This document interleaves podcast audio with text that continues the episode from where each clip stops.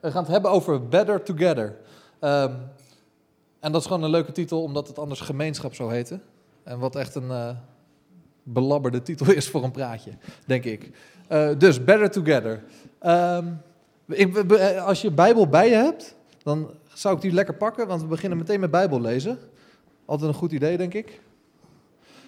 We beginnen met Bijbel lezen in Handelingen 2. Het staat er ook op hoor. Even kijken. Daar staat, degene die zijn woorden aanvaarden, lieten zich dopen. Hebben jullie gedaan, hè? Half jaar geleden. Uh, liet zich dopen. Op die dag breidde het aantal leerlingen zich uit met ongeveer 300, uh, 3000. Sorry. Ze bleven trouw aan het onder, uh, onderricht van de apostelen, vormden met elkaar een gemeenschap, braken het brood en wijden zich aan het gebed. De vele tekenen en wonderen die de apostelen verrichtten, vervulden iedereen met ontzag. Alle die het geloof hadden aanvaard, bleven bijeen en hadden alles gemeenschappelijk. Ze verkochten al hun bezittingen en verdeelden de opbrengst onder degenen die iets nodig hadden.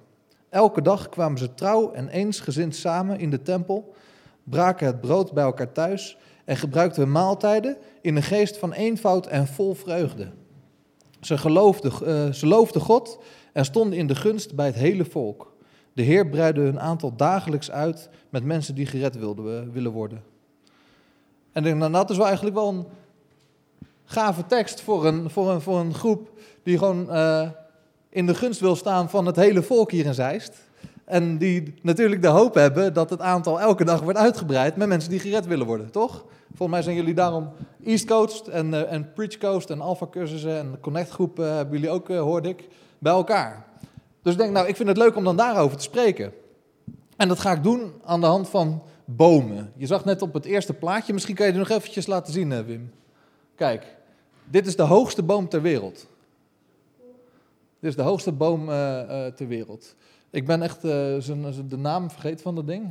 Ehm, hij heeft een een of andere naam. Begint met, met de Hyperion of zoiets dergelijks heet dat ding. Hij mag weer verder, Wim. naar, naar het volgende plaatje met een boom erop. Kijk, dit, dit zijn dezelfde soort bomen. Dit is de, de Californian Redwood. Dat zijn de hoogste bomen ter wereld. Zeg maar, dat, dat, dat zijn de hoogste bomen ter wereld. En ze zijn ook soort van dik wel. Dit, dit zijn nog kleine. Maar je ziet dus gewoon die mannetjes daarin klimmen. Uh, doen we de volgende slide. Even kijken welke dat is. Kijk. En als je dan een weg hebt en er staat zo'n boom in de weg, dan kan je er gewoon een tunnel doorheen maken. en de volgende zie je een beetje het vergelijk tussen andere hoge dingen die je misschien wel kent. Kijk, dit is die hoogste boom, die zie je daar links staan, die Hyperion. Die is 115 meter hoog, die boom. En het vrijheidsbeeld en de, de Big Ben die staan er een beetje naast. De Domtoren is lager dan die boom. De Domtoren is 112 meter hoog, dus dat scheelt 3 meter. Dus als je op de Domtoren staat, moet je gewoon omhoog kijken om naar het topje van die boom te kijken. En dat zijn de hoogste bomen die, die, er, bestaan, uh, die er bestaan in de wereld. Die, uh, die uh, Californian Redwood. het, zijn, het is een bedreigde soort bomen trouwens, voor degenen die dat interessant vinden om te weten. Maar wat zo bijzonder is aan die bomen, is dat ze voor hun lengte, voor, voor hun hoogte, hebben ze heel ondiepe wortels. Zeg maar, de, de, de wortels gaan niet, zoals bij heel veel bomen. Hallo, welkom. Bij die, bij die bomen gaan de wortels niet zoals bij heel veel andere bomen, zeg maar, het, hetzelfde uh, aantal meters de grond in als dat de boom hoog is, want dat is bij heel veel bomen zo. Bij deze bomen gaan de wortels meer opzij en zijn eigenlijk vaak maar enkele meters diep. Wat heel gek is voor een boom van 115 meter hoog. Want je zou dan denken van nou, dan gaat dat ding ongetwijfeld een keertje om. En dat is, daar komt het bijzondere van die bomen. En daarom komt ook het bijzondere van waarom ik deze bomen zo, uh, zo gaaf vind in het, in het licht van een groep christenen of een, of of kerk die uh, kerk zijn op de manier zoals er staat in Handelingen 2. Wat er namelijk staat in Handelingen 2, uh, worden, worden drie dingen genoemd, tenminste zo heb ik ze genoemd, uh, die je een beetje kan vergelijken met, de, met, met, met wat een boom nodig heeft om te groeien en om zo hoog te, te, te worden en zo hoog te blijven. En het eerste is dat die bomen, die, uh, die, die Californian Redwood, die staan niet alleen in Californië. Die staan ook in Europa, maar daar worden ze maar 40 meter hoog, geloof ik. Ook al best hoog. Maar in Amerika worden ze dus echt hoog. En dat heeft vooral te maken met het klimaat. Daar in, in, in Californië heerst zeg maar, het, het gunstige klimaat, waardoor die het is echt jammer trouwens dat die letters anders zijn. Maar, geef Nee, niks. Klimaat. Zeg maar, het klimaat in, in, in, in Amerika is zo dus dat die bomen nog hoger worden. Zeg maar, hoger worden dan ze in het klimaat in Europa worden. En als je kijkt naar, uh, naar, naar, naar jullie, naar, naar een groep uh, jonge gasten die lekker met God bezig zijn, dan heeft, is het heel belangrijk in welk klimaat je bent, wil je groeien. Zeg maar. Als jij zegt van nou, ik, ik, ik geloof in, in God en ik, ik vind Jezus tof en ik ben, ik ben gedoopt en noem het allemaal maar op, dan is het heel belangrijk dat je dat je, je begeeft in een klimaat wat jouw groei bevordert. Hè? Dat, je, dat, je, dat je wandelt in een, op een plek en dat je omringd wordt met, met, de, met, met de gunstige wind en de goede regen op zijn tijd, zodat je goed, op een goede manier uh, gevoed blijft. Toch? En die, in die bomen in Amerika, die, die hebben dus precies die, die warmte, die hebben precies op tijd die regen, dat ze daar zo ontzettend hoog kunnen groeien. En als je kijkt naar, uh, naar, naar, naar, mensen die zoekend zijn in, in hun geloof, dat zijn ook misschien van deze bomen. En zou je zeggen, ja, worden die dan niet zo groot? Als ze lekker Jezus hebben, we hebben er wel een keertje van gehoord, weet je wel, over Jezus. En vinden het allemaal wel interessant, maar die weigeren te groeien. Die weigeren te groeien. Heel vaak heeft dat gewoon te maken met dat ze zich niet bevinden op een, op een plek waar dat klimaat bevorderlijk is voor hun groei. Een tweede punt, waarom bomen daar zo hard groeien, is uh, de grond. Zeg maar, de grond daar, die, uh, dat, is, dat is een heel bijzondere plek. Als je daar in het bos loopt, dan zie je vaak dat die bomen precies in een cirkeltje staan. En dat komt omdat, zeg maar, in het midden van die cirkel stond dan vroeger de moederboom. En die is dan vergaan en daaromheen zijn een heleboel nou, zonen of dochterbomen dan maar, uh, zijn daar gegroeid. En het hout van die, van die moederboom, dat is vergaan en dat is zeg maar de compost geworden voor die andere bomen. Dus die grond waar die bomen op groeien, dat is, dat is zeg maar een, een, een essentieel ding om, om, om voor die bomen die voeding uit te halen. En in, uh, als je, als, je als, als christen wil groeien, is dat essentieel. Dat je staat op een plek waar je wortels de goede voedingsstoffen uit die grond kunnen halen. Toch? Dat je staat op een plek die, uh, waar, waar, er, waar er genoeg mineralen, waar er genoeg voeding, uh, waar, je, waar je dat kan opslurpen, zodat jij kan groeien.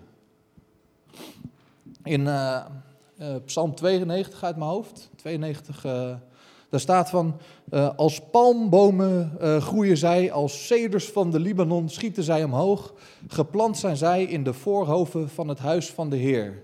En zelfs als ze oud zijn, zien ze er nog steeds fris uit en dragen nog steeds vrucht. En dat heeft te maken met de plek waar, jij, waar die bomen geplant zijn. De plek waar jij als, als christen geplant bent.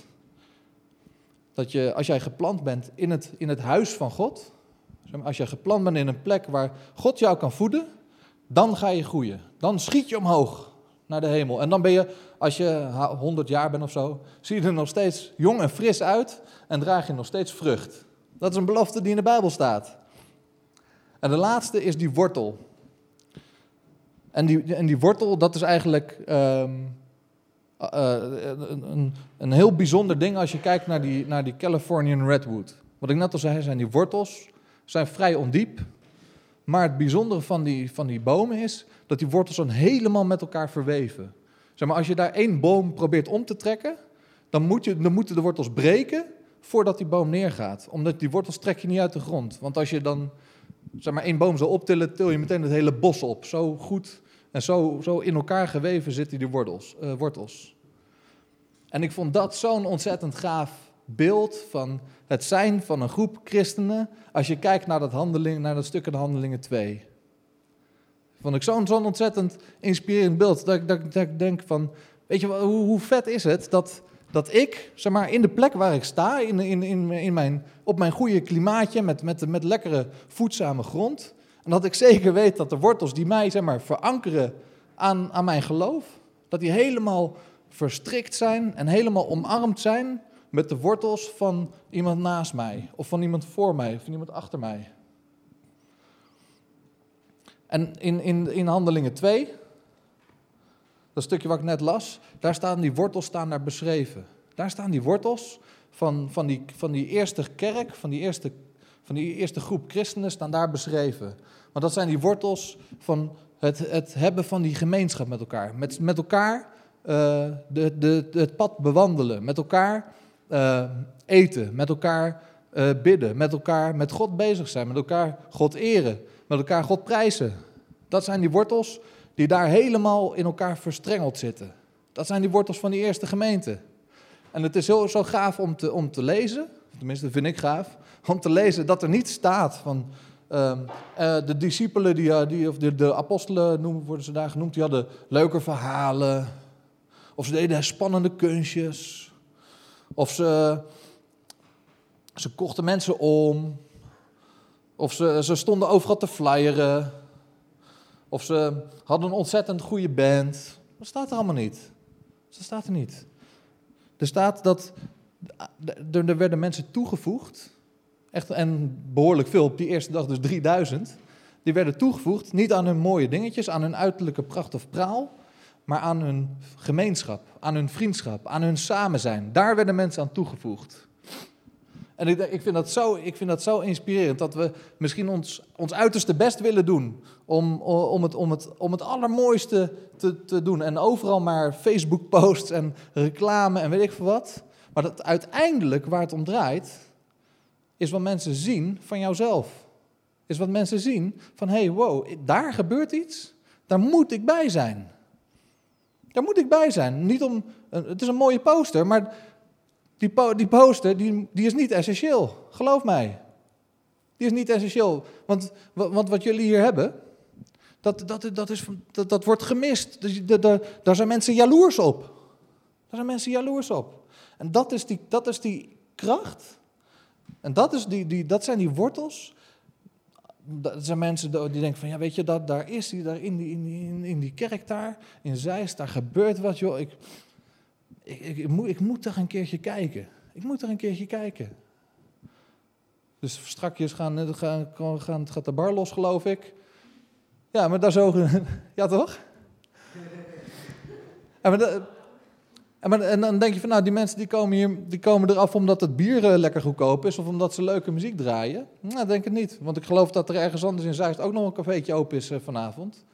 Maar ik geloof dat die mensen hier naartoe komen... omdat ze denken van, hé, hey, op deze plek op deze plek, daar is iets bijzonders. En die kunnen misschien niet de vinger erop leggen. Die kunnen misschien niet de vinger erop leggen. Maar zien, daar, daar, is iets, daar gebeurt iets bijzonders. Daar is iets wat, wat, ergens, anders, wat ergens anders niet gebeurt. En dat is, dat is die aantrekkelijkheid. En daar voegt, uh, voegt God mensen aan toe. En daar komen mensen op af. En ik denk van, ik, het lijkt me zo, ik vond het zo leuk om, om vanavond gewoon jullie lekker te bemoedigen. En ik denk, nou, we beginnen met een grote groep. Uh, ja, precies. Maar ik, ik geloof, als ik zo snel zat te tellen, zijn jullie, zijn jullie hier met z'n twaalf. Dus het lijkt me een heel mooi getal. Uh, uh, weet je, Jezus begon ook met, met twaalf man. Toch? En ik denk van, ja, weet je, op het moment, als jullie... Als, als, als dat jullie kracht is, als het jullie kracht is, dat jullie laten zien, hey, kom je aan één van ons, dan kom je aan ons allen.